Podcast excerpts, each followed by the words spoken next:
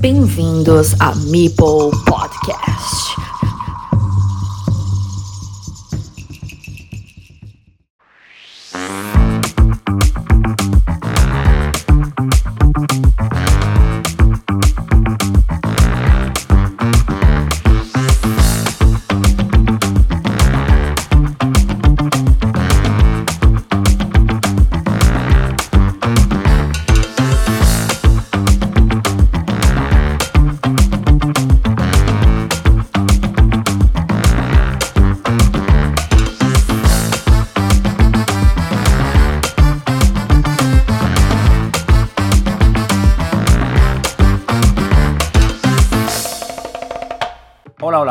Bienvenido, Goods a mi podcast. La grabación de este programa se produce en la noche del jueves 25 de mayo de 2023 y saldrá publicado el próximo 4 de junio. Lo digo para situarnos, ya que a colación de alguna pregunta que haré a nuestra entrevistada de hoy, tengo que decir que estamos aún inmersos en la última semana de la Liga Carcassonne Spain, al menos en las categorías Elite y Segunda. Es también la semana de la última jornada de la fase de grupos del Mundial por equipos de Carcassonne Online, y han pasado escasos cuatro días de la finalización del evento que da título al espacio que hoy nos ocupa en este canal sonoro. Pero hoy tenemos entre manos un gran evento, ya que vamos a hablar de la Liga Catalana, la Liga Catalana. Y para comentar todo lo acontecido, ¿quién mejor que alguien que haya estado presente en las cuatro etapas de las que constaba este campeonato presencial y quien además pertenece a la organización de Carcassonne.cat? Querida Miriam López Carquiñolis, bienvenida. Hola Joaquín, buenas noches. Tengo aquí apuntado, recuerdo que te hice una entrevista personal, que también como campeona de segunda de la Liga Online de Carcassonne Spain, y fue el capítulo numerado con el 24. Eh, lo recuerdo porque me encantó la entrevista y bueno, yo creo que fue tu primera incursión en mi Podcast y tú supongo que lo recordás también con cariño. Sí, sí, y tanto. Parece que hace mucho tiempo, ¿no? Sí, la verdad que hace un año. Y si miras los episodios, parece que ha pasado mucho tiempo también. Sí, parece que ha pasado mucho tiempo. Correcto. Y 50 episodios después, diría el 75, fue aquel episodio que para mí ha sido, no sé si el mejor, pero si no, si no el mejor, uno de los mejores, que fue la charla de Carcassonne en Carcassonne. Eso fue espléndido. A mí me pasé de arte. Sí. Bueno, pues diríamos que 50 episodios después, aproximadamente, otra vez, pues ya estás aquí de nuevo y como siempre, siempre he dicho, el podcast está abierto pues para todo el mundo y en repetidas ocasiones. Siempre que se dé la circunstancia, pues de comentar algún evento o alguna cosilla. Y en este caso vienes a hablar con nosotros de la, de la Giga catalana. Pues sí. Pero antes de nada, mm, Miriam, quería preguntarte, porque mira, me, estamos inmersos en la última semana, que por eso lo comentaba antes, de la Liga Carcassonne Spain y no se me quita de la cabeza pensar en ese cara y cruz que tiene tienes a nivel de jugadora, porque observo cómo has quedado clasificada para el Nacional Catalán a través de la Liga Catalana, como cuarta clasificada, si no me equivoco, y en la Liga Élite de Carcassonne Spain estás al final ahí, que todavía te queda un partido y ya cuando se publique este episodio ya sabremos si estás en segunda o, te mantienes en élite, pero o estás en promoción. Pero claro, pues eh, es una dualidad ahí de, de éxito y, no diré fracaso, sino de, un torrente de, de, un torrente de emociones diferentes que, debe ser curioso. ¿Cómo te sientas así en ese sentido? Bueno, mira, como tengo un poco de cada, pues no me siento mal de todo. Si, si los, las dos me hubiera ido muy mal, pues estaría un poco más deprimida, pero como, como en alguna pues no me va tan mal, pues bueno, mira, no sé, Ah, hay días de todo, ¿no? Y ya sabemos que este juego pues es así. A veces, a veces no tienen oportunidad de hacer nada, a veces te sale todo bien. Subí, de segunda a primera, me mantuve ahí una temporada y, bueno, pues con eso también estoy contenta. Si ahora tengo que bajar, pues bueno, también hay otros buenos que han bajado, no pasa nada. Sí, sí, bueno, habría que buscar la lectura exactamente de por qué, qué situación te lleva a, a entender ¿Cuál es la, aquello, el argumento que te lleva a pensar que estás abajo del todo en la élite? Bueno, supongo que, claro, la liga catalana es abierta y te puedes encontrar jugadores pues, que no tienen a lo mejor nivel y otros que son muy buenos, ¿no? Y puedes tener una partida buena con uno bueno y después ganarle también a los malos, bueno, estás ahí. Pero bueno, has quedado cuarta, o sea, te la has currado. Pero la Liga Elite, que también es otro torneo de regularidad, estás ahí abajo del todo. O sea, ¿cómo, ¿qué lectura hace? ¿Que son toda gente muy buena y que hay que estar al 100%? La verdad es que hay, mucho nivel en la liga élite, ¿no?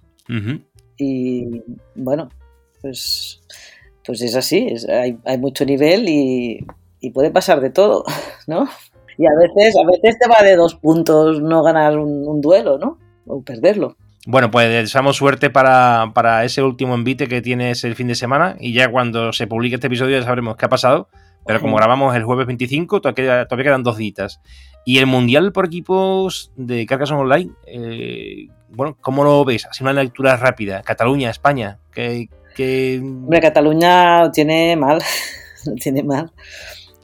Y España parece que lo tiene muy bien, ¿no? De momento, parece que va muy, encarrilado. Sí, sí, bueno, el preliminar sí lo, lo tiene. Sí. El cuarto parece que es complicado. Habrá que ganar la Ucrania porque si no, sí. de todas, todas vamos a quedar incluso tercero, porque como gane Letonia, que ganará. Pero bueno, la, la cuestión está en que el cruce al final es más negativo cuando queda segundo y tercero, porque lo comenté en el último resumen. Pero bueno, ya veremos qué pasa. Al fin y al cabo, sí. de todas maneras, hacéis un trabajo en Carcassonne.cat con el Mundial que es impresionante, la verdad. Así que, bueno, pues un, un, aplauso desde aquí, desde el podcast, por el, por el currazo que se pegan. Pues muchas gracias. Eh, y precisamente quería hablar, hablar de, de Cargason.cat porque viendo, viendo, la página, en relación a esto de la Liga Catalana, eh, estaba viendo que, bueno, que perteneces también, ¿no? Lo comentábamos off the record, que perteneces también a la organización. Yo recuerdo que cuando entraste en Cargason Spain, bueno, pues perteneces al ámbito de catalán y allí está Cargason.cat, que organiza muchísimos eventos, sobre todo presenciales, eh, pero también son los grandes organizadores de este evento que acabamos de nombrar, que es el Mundial, y ahora perteneces también tú a la organización, o sea, ya estás dentro. Y quería sí. hacer un repaso de la gente que está, porque es público, está en la página web de, de Carcason.cat, que son Dani García, Dani SVH uh -huh. en, en BGA, sí. Daniel Angelats, Senglar, eh, David Tercero, Davidet, Miriam López, que eres tú, Carquiñolis. Nuria Casanovas, pero no Fepla, eh, Pere Vives, que no sé si es la nueva era en el. Bueno, en el. No, en la es, BGA. O... es Pamboli. Ah, vale. Entonces la nueva era es otro chico o chica. Sí, otro chico. La nueva era vale, es, es Eduard Llorca. Ah, Eduardo Llorca. Ah, vale, vale, vale. Eduardo Llorca. Pues ahora yo he confundido. Y Samuel Arroyo, Casuloya y Santi Fradera, Freddy Wolf 75. Bueno, uh -huh. pues estos son, son, los componentes de Carcassonne.cat y preguntarte, bueno, ¿qué, qué haces ahí en Carcassonne.cat? Si te gusta, si no te gusta, que supongo que te encantará, estarás súper pues sí. ilusionada con esta labor. A ver, cuenta. Sí, yo estoy encantada de estar allí. Cuando me lo propusieron el verano pasado, bueno, ya había colaborado con ellos eh, durante el mundial anterior, me propusieron de, de, formar parte del DAZ y porque, porque me había presentado a los trials, pero no salí, o sea, no, no me seleccioné. Y entonces me dijeron, bueno, pues puedes participar con nosotros mmm, eh, desde el DAZ. Y, y bueno, lo hice pertenecías al DAF el año pasado, efectivamente. No sé sí. si este año haces otra labor diferente, pero es verdad que los trials son bastante duros y eso, para que la, gente que, que, no escuche, que no sepa exactamente qué es, son una especie de como de competición previa a, para seleccionar o clasificar a aquellas personas que van a participar dentro de la selección catalana. Entonces, la gente que está ahí en la selección catalana es porque se han ganado el puesto, digamos, ¿no? Entonces, uh -huh. bueno, sí, cuenta, sí. cuenta. Bueno, pues eso, el año pasado no fui seleccionada, entonces mm, participé en el DAZ y fue mi, mi, mi aportación a, al Mundial del, del, año pasado.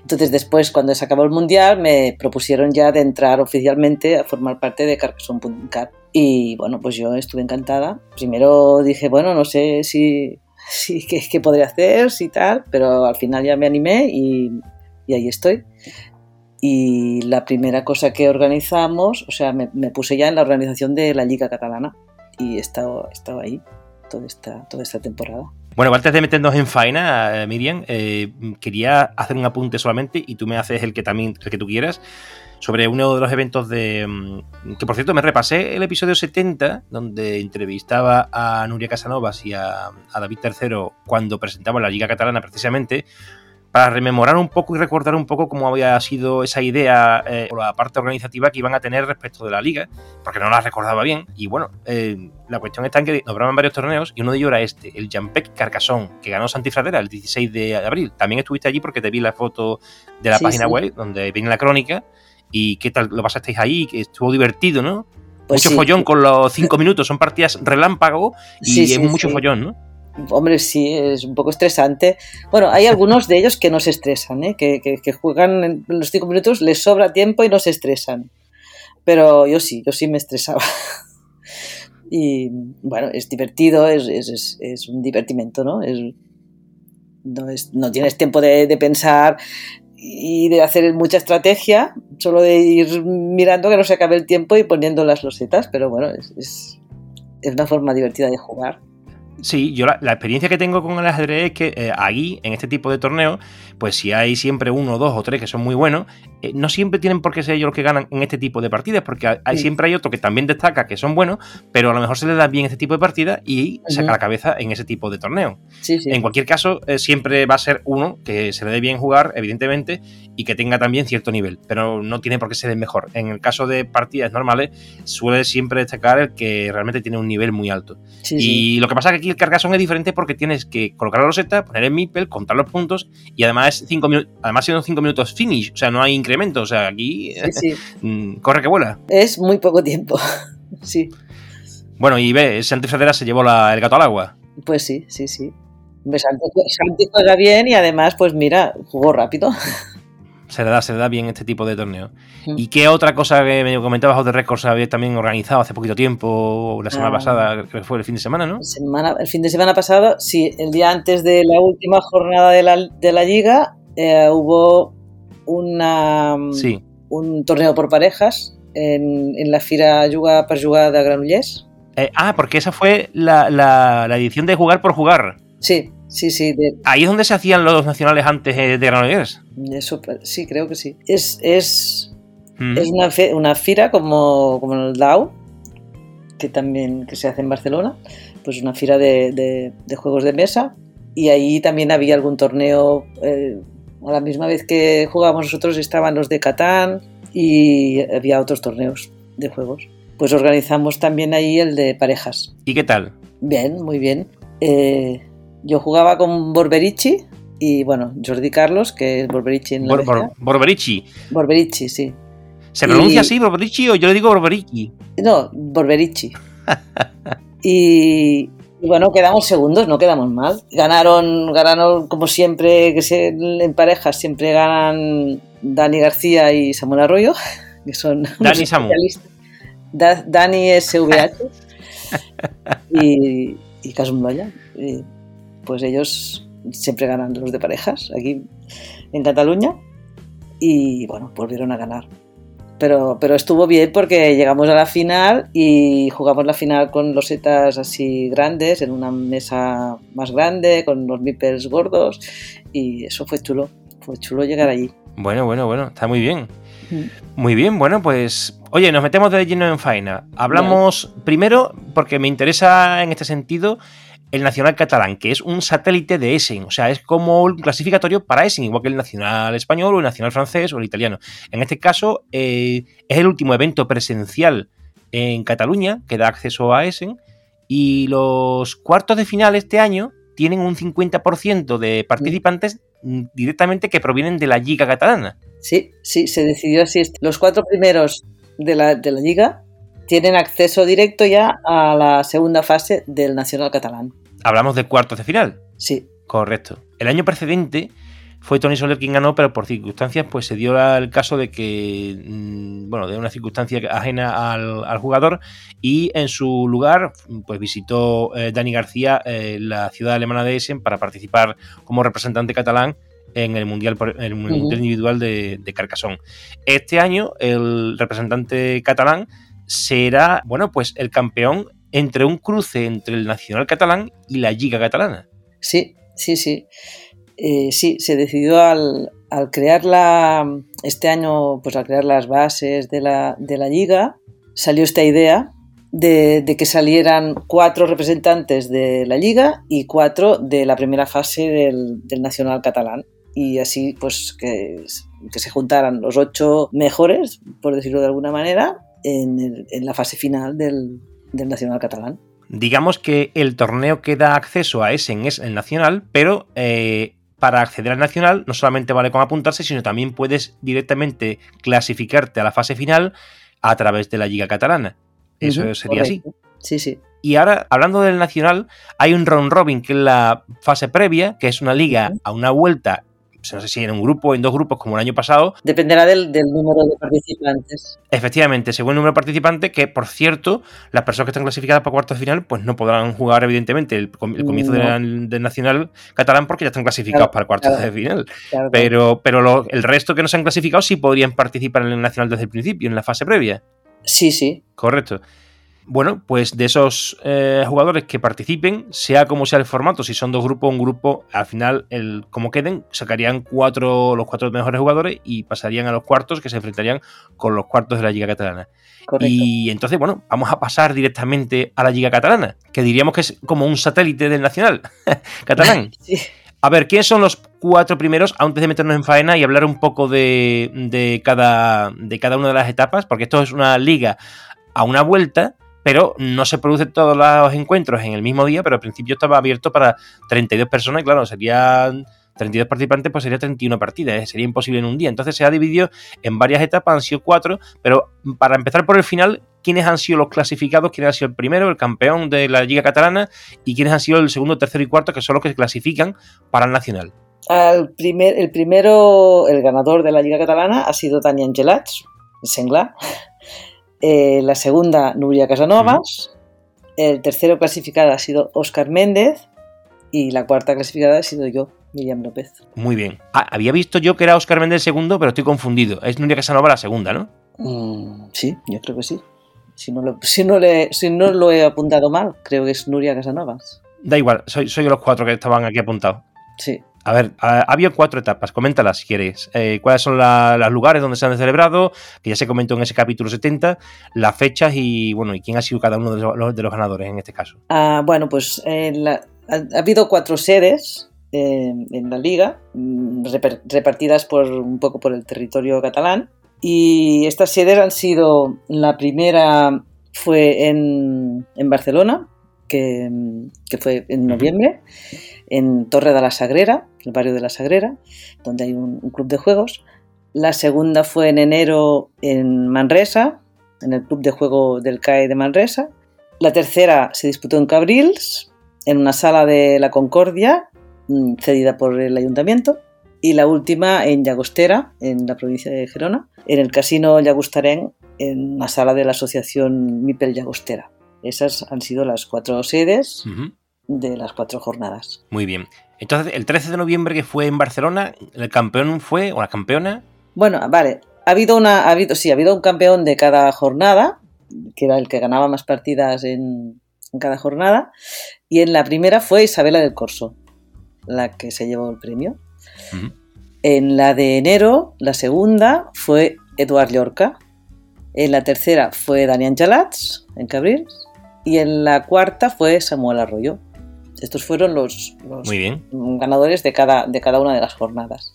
Y aparte de los ganadores, en cada jornada también se daba un premio, un- se sorteaba un, un juego entre, entre todos los participantes.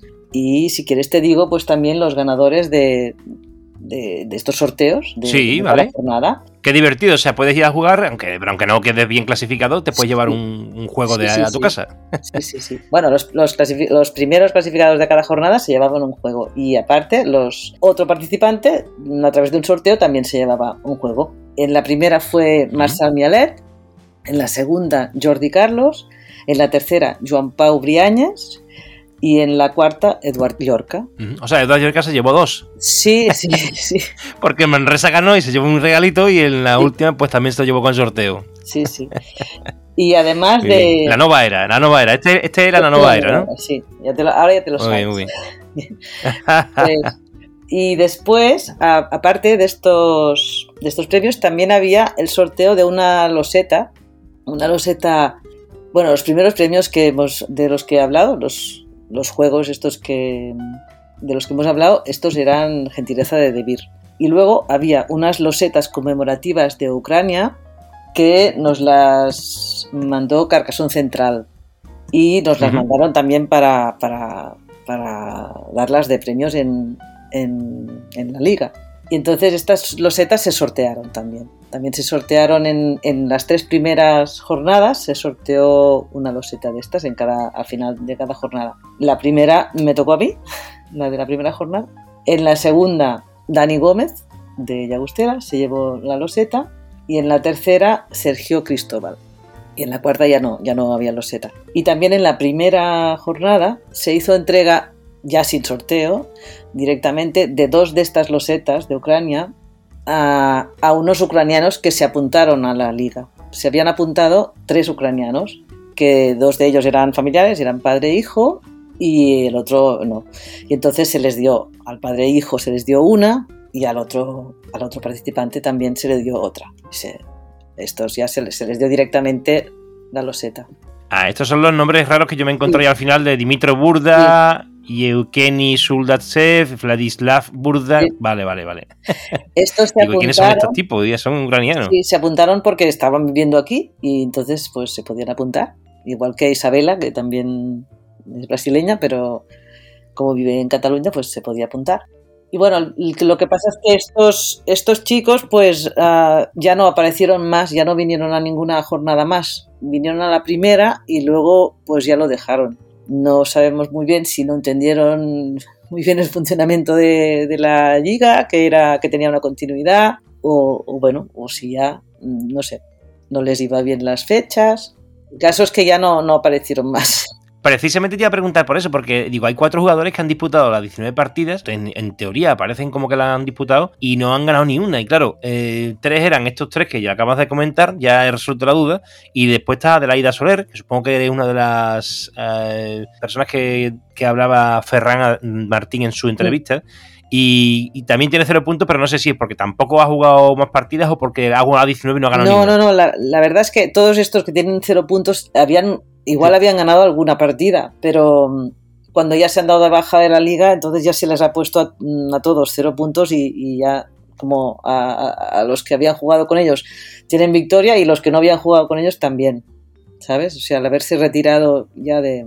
Vale, di- digamos que digamos que de, de forma efectiva de forma efectiva ha habido 22 jugadores reales que han jugado todas las partidas, ¿no? Porque son los que tienen hasta, hasta 3 puntos, que sería Albert Corcoles, que sería el último, si no contamos con estos cuatro que, que, que son los tres ucranianos y Adelaida Soler, Sí. que en estos casos pues no... Adelaida, el, el- tema es que eh, se, en las bases pusimos que se podía faltar a, a una, a una jornada si tenías pues un compromiso o estabas enfermo o, o lo que sea, ¿no? Podías faltar a una jornada y tenías la opción de recuperar esas partidas durante un mes. Tenías que desplazarte tú a pues a buscar a los las personas con las que tenías que haber jugado aquel día y intentar recuperar esa partida, intentar hacerlo mm, presencialmente para, pues, para hacer justicia a, la- a- a las demás partidas, ¿no? Entonces, Adelaida había faltado una, una jornada porque estaba enferma y después se, se, recorrió así bastante territorio intentando recuperar las partidas y después se ve que otro, otra vez ya mm, se puso enferma y ya no, ya no, pues ya, bueno, ya no se daba opción a, a- a faltar dos veces. Y entonces ya pues se tuvo que reti- retirar. Aunque hubiera ganado alguna, ya no, ya no, no consta ahí. Una curiosidad, Daniel Angelats, que, que es senglar en, en BGA, como, como es conocido él, que aparte tenías una anécdota por ahí que ibas a contar Ah, sí, también, sí. pero eh, solo ha cedido, según leí la crónica de, de Pérez, en la crónica que ha hecho él, porque por cierto, hace en la crónica diferentes personas. Por ejemplo, la primera, donde ganó Isabela del Corso, en Barcelona, el 13 de noviembre, hace la crónica Nuria, que también repite Nuria el 26 de marzo con Cabrils. Y en Mal de Manresa lo hace Daniel Angelats. Y el de Agustela lo hace Pérez. Sí. O sea, muy, muy divertido porque así van compaginando un poco Sí. la, la obligación, entre comillas, que se ha habilitado para poder hacer una crónica y a comentar los eventos, ¿no?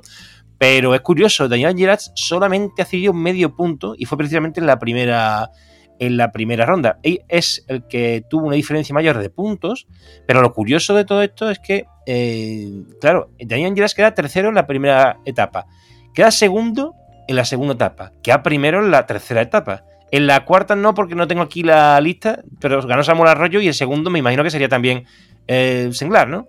O el tercero, o así. ¿Sabes cuál ha sido el resultado de Senglar en la última, la de Mm, Llagostera? Bueno, tendría que buscar, ahora no lo tengo aquí delante. Mm, Esta que no está visible todavía, por- porque estamos a 25 y todavía no se ha publicado la, el listado final de, mm, de la clasificación de Joe Austera. No lo tengo aquí delante. Vale, pero supongo que Samuel, que ganó, pues eh, estaría detrás, eh, Es seguramente. que, es que Sengla per- perdió, o sea, llevaba un empate que, que le empaté yo en la primera jornada y eso es lo que llevaba toda, en todas las jornadas, solo llevaba este menos 0,5. Y creo que fue en la última jornada Sí, sí, que sí, Eduard. Llorca le ganó. Ah, en la última le ganó Eduard Creo Yorka. que fue en la última. Eh, Mm. Solo ha perdido una y fue, solo ha perdido una y fue con Eduard. Creo que fue la última jornada. Vale, tienes 7 y 6, 13 de la segunda y tercera. eh, y 5 y medio.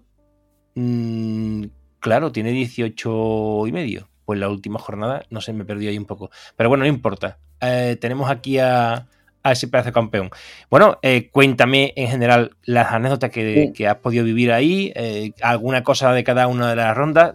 No sé, a todo tuyo, abierto el, el micro, que creo que yo con esta entrevista estoy hablando ya más que tú, pero bueno, mm, dale caña, dale caña al tema. A ver, yo tenía para contar una anécdota de, de Cabrils, de cuando fuimos a la tercera jornada, que era la que yo tenía más cerca, porque es un pueblo aquí de, mi comarca. Y en Cabrils se ve que tienen un...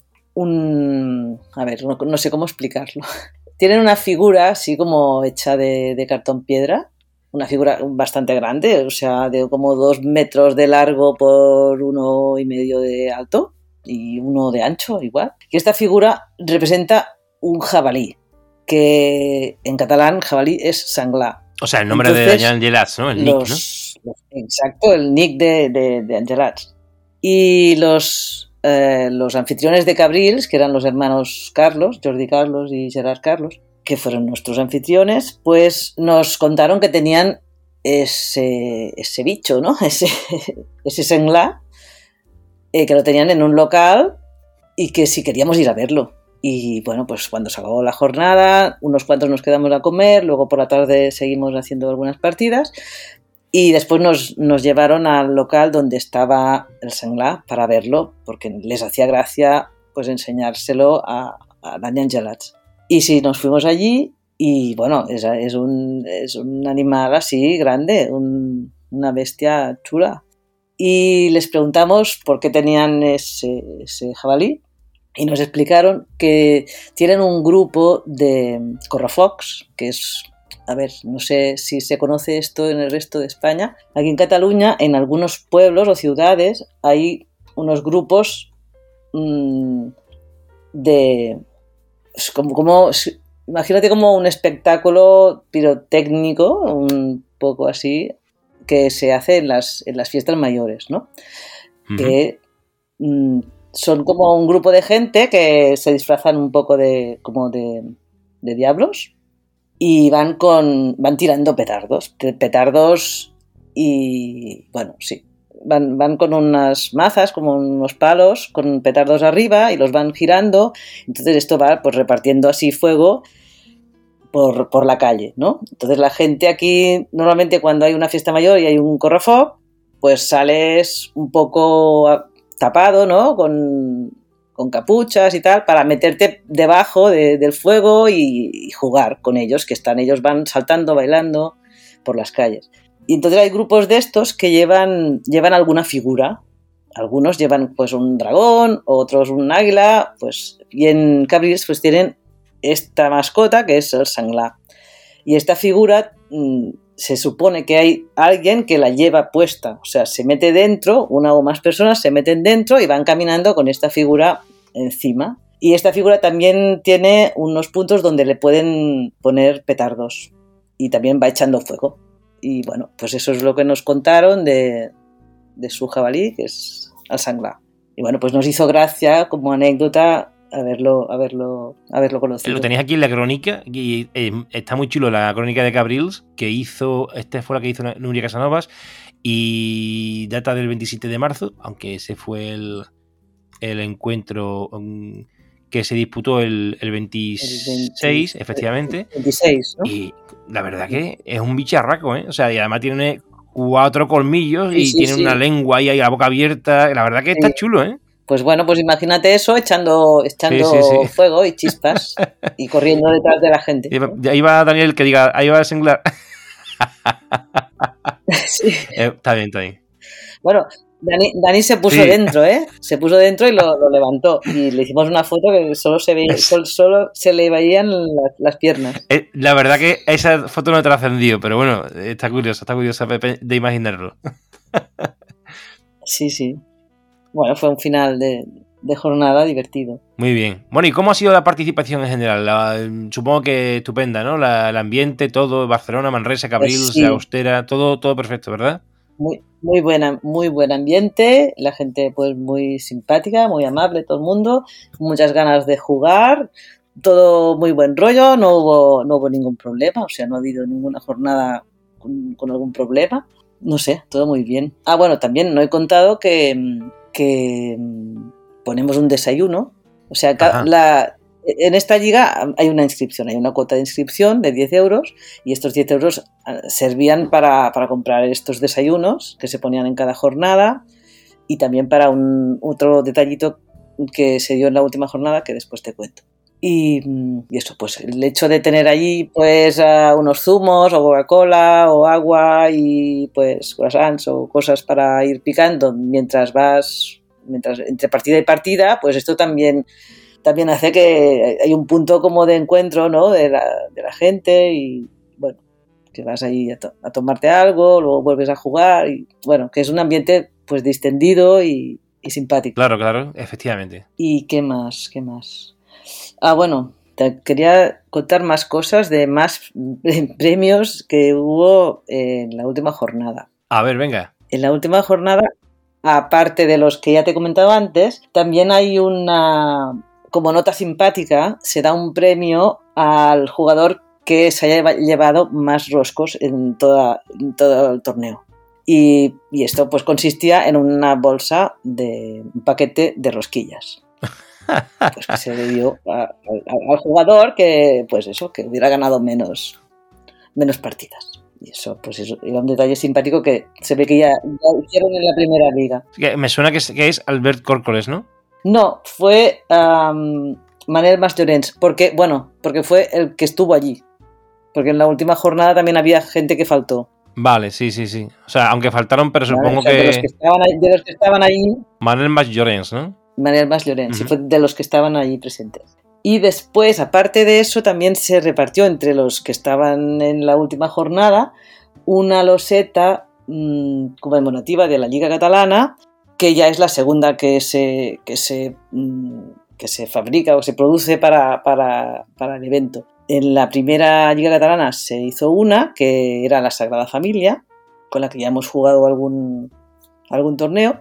Y esta es otra Sagrada Familia, una otra versión más actualizada, más crecida, porque como la Sagrada Familia también ha, ha ido creciendo en estos años, pues eh, la, la nueva loseta es la Sagrada Familia más crecida y esta está en un campo, que la otra, la otra no, la otra estaba como en medio de, de ciudad y esta está como en un campo, como si fuera un monasterio. Y estas losetas las diseña Jonathan Arroyo, que es el hermano De. Samuel Arroyo. Bueno, y sin grúas, ¿no? Aparece sin grúas, ¿no? También, ¿no? Sin grúas, sí, sin grúas. No, no, no hay grúas en, eh, no, Bueno, es broma, es broma. no, en la loseta no. Y bueno, pues esta loseta se repartió en, en la última jornada en, en, pues a, a cada participante como, pues eso, como un recuerdo. Y se puede jugar mm, como un monasterio o como un antimonasterio. ¿Antimonasterio qué sería? Antimonasterio nos contó Samuel que sería poner la loseta al lado de otra loseta, o sea, mm, es, es como intentar dejártela para el final, para ponerla que toque eh, con el mínimo de losetas posible, porque cuenta... eh, Ah, un punto, cuenta un punto por, por cada lado libre, ¿no? Exacto, por cada hueco un punto. Por tanto, si toca a una loseta más ella, el máximo de puntos que puede darte son 7. Claro, o sea, lo más, lo más que lo que más puntúa serían eh, efectivamente 7 puntos, porque se tocaría con una única loseta. Sí. La propia no se Sí. cuenta y la con, con la que toca tampoco, pues serían 8. O sea, serían 7. ¿Eh? Qué curioso. Sí. Y, y se tendría que poner un meeple también, ¿no? Eh, sí, claro. Que se puede jugar como monasterio o como antimonasterio, como, como tú decidas. Vale, vale. Bueno, eh, antimonasterio tiene más sentido al final, cuando te sobran meeples y dices tú, bueno, voy a poner uno aquí. Sí, Claro. claro. Y oye, una pregunta. Has dicho que la, de la rosquilla era Manuel más Llorens. ¿Ese es Manuel ML de la No. RGA? No, No, no. no, yo también lo pregunté. Yo también hice esta pregunta en la primera, en la primera jornada. Pero no, no. no es- Vale, vale. No, digo porque si fuera él, habría que regalarle otro segundo bolsa de rosquilla, pero por parte de Carcassonne Spain. Bueno, bueno. Ya, espera que no me la regalen a mí, que no me la regalen a mí. Y estoy allí también. Bueno, bueno. Eh, Pues si quieres, leemos el listado completo de participantes, o bueno, lo lees tú si quieres, si lo tienes ahí delante, para hacer un poco de. No lo tengo, el completo no ah, lo vale, tengo. pues mira, lo, lo voy nombrando. Daniel Angelats, el orden que tengo yo aquí, Oscar Méndez, Nuria Casanovas, Miriam López, Sergio Cristóbal, que fue uno de los primeros también con, con, uno de los juegos, si no me recuerdo mal, Eduard Yorca, Jaime García, Santi Fradera, Samuel Arroyo, Marcel Mialet, Isabela del Corso, Joel Gili o Gili, mm, Dani Gómez, eh, Dani Gómez, ah, vale, estaba pensando en Dani García, Dani Gómez, Jordi Carlos, Joan Pau Brañes, Diego Ramos, Miquel Colomo, Marlene Mas Llorens, Jordi Capdevila, eh, Ruth Prieto, Raquel García, Albert Córcoles, después están los tres eh, ucranianos, Dimitro Burda y Kenny. Sudaltsev, si no sé si estoy pronunciando bien, Vladislav Burda y Adelaida Soler eh, en último lugar. Aunque bueno, estos últimos cuatro pues son con cero puntos porque no, no disputaron más partidas.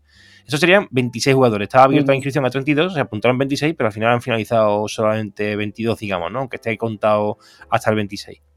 Eh, muy bien. Bueno, no sé, ¿alguna otra cosa que quieras contar de la liga? Hemos hablado de las cuatro jornadas, de las quién hace las crónicas, quién gana la, la, cada uno de los, de los torneos, los premios que se han dado, eh, los clasificados que son estos cuatro, que los repetimos, Daniel Angelat, Oscar Méndez, Nuria Casanovas y tú misma, Miriam López, que vais a los cuartos de final del Nacional uh -huh. Catalán.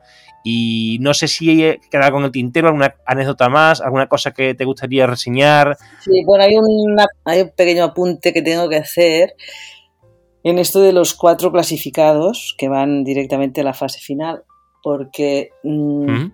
en, la, en, la, inscripción de la Liga Catalana, igual que se hizo también en la española, ¿no? que se hacía, se decía que si querías participar en el nacional o, o, renunciar a la plaza, pues allí también tuvimos que hacerlo por el mismo motivo, porque no solo se puede jugar un, un nacional, ¿no?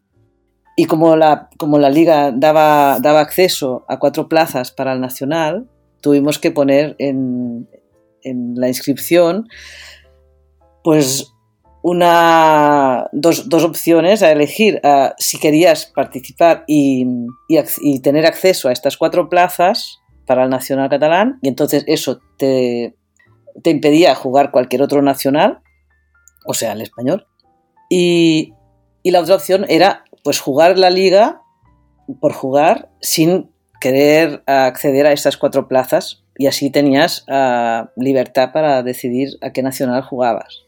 ¿vale? Eso, esto se tenía que elegir al, inscribirse. Y hubo uno, uno, de esos cuatro participantes que se han clasificado que eligió mmm, pues, jugar a la liga, pero sin, sin tener acceso al nacional catalán, en caso de clasificarse. ¿Que no clasificó al final? Uno de esos cuatro no, no, pasa directamente a la fase final porque eligió tener libertad para, para luego decidir a qué nacional se presentaba. Eh, ¿Pero está entre los cuatro primeros? Sí. Entonces es Oscar Méndez, lo sé porque va siempre al nacional.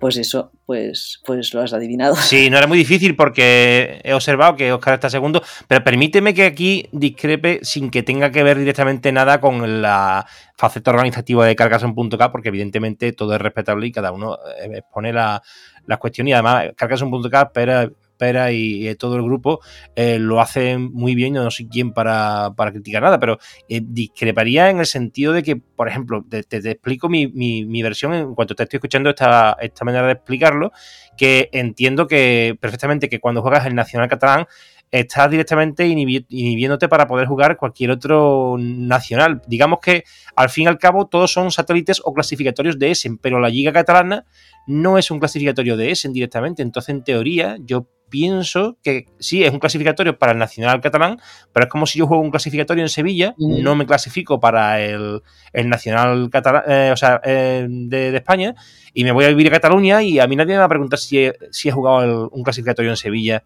para Nacional de Madrid, me, de Deville, ¿me explico? O sea, quiero decir, la Liga Catalana da acceso al Nacional, pero mientras no accedas al Nacional, que es el verdadero clasificatorio para Essen, entiendo que no tendría por qué haber problema. Ahora, otra cosa es que Oscar Méndez, por ejemplo, en este caso, pues diga, oye, me he clasificado para Nacional, pero no voy a jugarlo porque también estoy clasificado para el Nacional de Madrid, prefiero ir al de Madrid.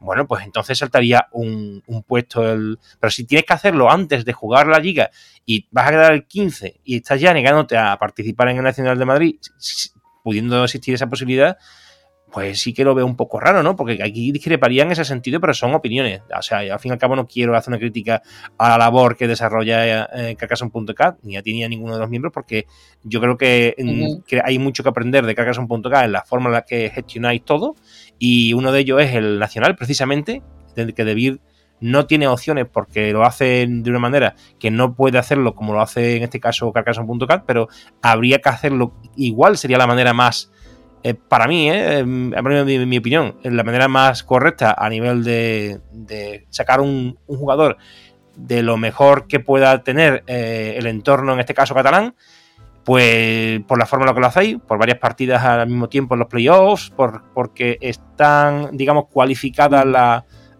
clasificaciones para los, los, playoffs. Desde el año pasado vimos que el que ganara primero y segundo tercero no era lo mismo que quedar quinto, sexto, séptimo, porque clasificaban a diferentes estatus del playoff. Y bueno, al fin y al cabo es una manera muy bonita de darle continuidad a la participación sin que tengan que ser los primeros los únicos que se disputen la, el nacional, de dar más, oportunidad a las personas que, vienen debajo, que también han quedado bien clasificadas, pero a lo mejor han perdido una, partida, y esto se valora desde el punto de vista de que también Carcassonne pues tiene una parte de, suerte, un, porcentaje de, varianza, y en este sentido pues está muy bien explicado por parte de las personas que me lo dieron a entender así, en este caso fue Pera, pero claro, aquí yo eso discrepo solamente, simplemente es una opinión que pienso que, hombre, ya que juegas en la liga, si no te clasificas, pues ¿por qué no vas a poder tener la oportunidad de, jugar eh, otro nacional? Por ejemplo, David Bourdois juega a la liga y ahora se inhabilita para poder jugar el francés. Entonces, si no queda entre los cuatro primeros, ni juega el francés, ni juega el, español, ni juega el. Bueno, sí jugaría el catalán porque podría ir al nacional a, jugar desde el principio, desde la, desde la, fase previa. Pero ya se ha inhabilitado directamente desde la propia liga. Bueno, no sé, son opciones, ¿no? Esto simplemente supongo que será para delimitar la participación de aquellas personas que... No, digo, si David hubiera querido jugar a la liga, que, podía, eh, simplemente si él sabe que va a jugar en el Nacional francés, pues hubiera marcado la, la casilla de, esa de jugar, pero que en caso de clasificarse no, no optaba a, una de esas cuatro plazas. Sí, sí, sí, lo, entiendo. Puede, puede jugarlos, pero no, pero no clasifica. Exacto. Sí, aquí, aquí es como, como una, digamos, una... Eh, eh, no está inhabilitando la posibilidad de jugar, pero sí la de participar como un clasificatorio al nacional, que es a lo que voy. Y al fin y al cabo es un clasificatorio al nacional, no de ese. Y ahí es donde, de donde discrepo de la inhabilitación, pero bueno, no tiene más, más historia, es una opinión personal.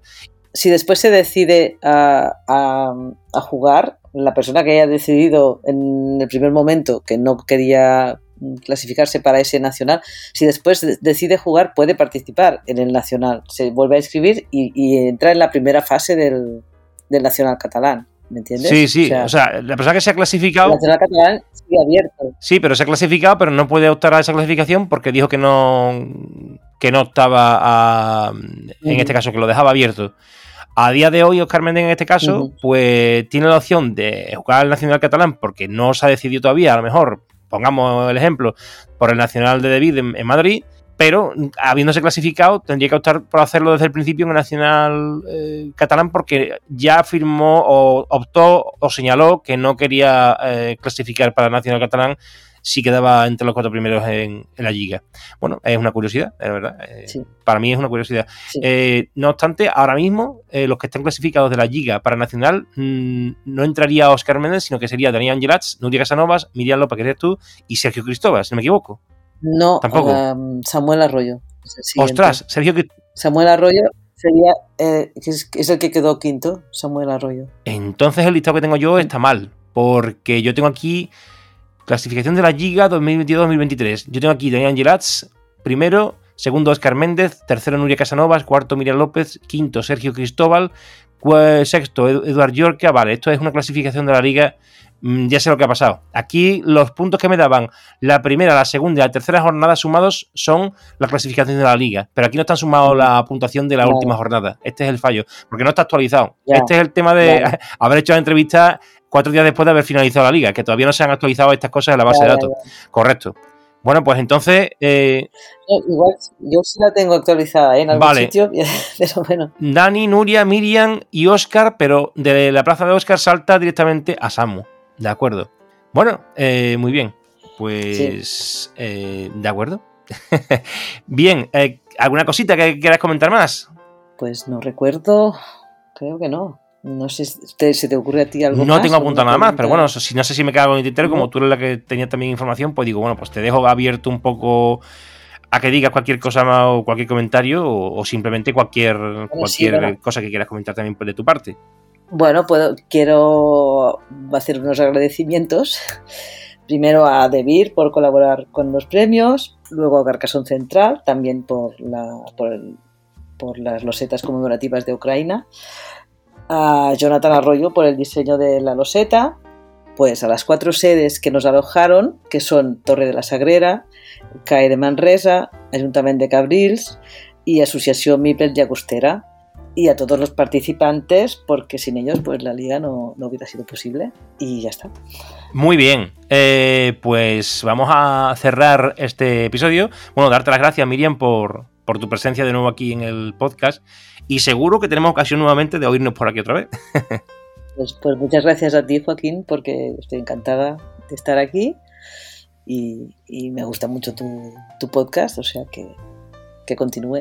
Muy bien, pues un abrazo enorme a toda la familia carcasonera en general, pero en especial a la familia catalana a- y también un abrazo a todos los miembros de Carcason.cat por hacer todo este trabajo eh, que hacen, que hacéis.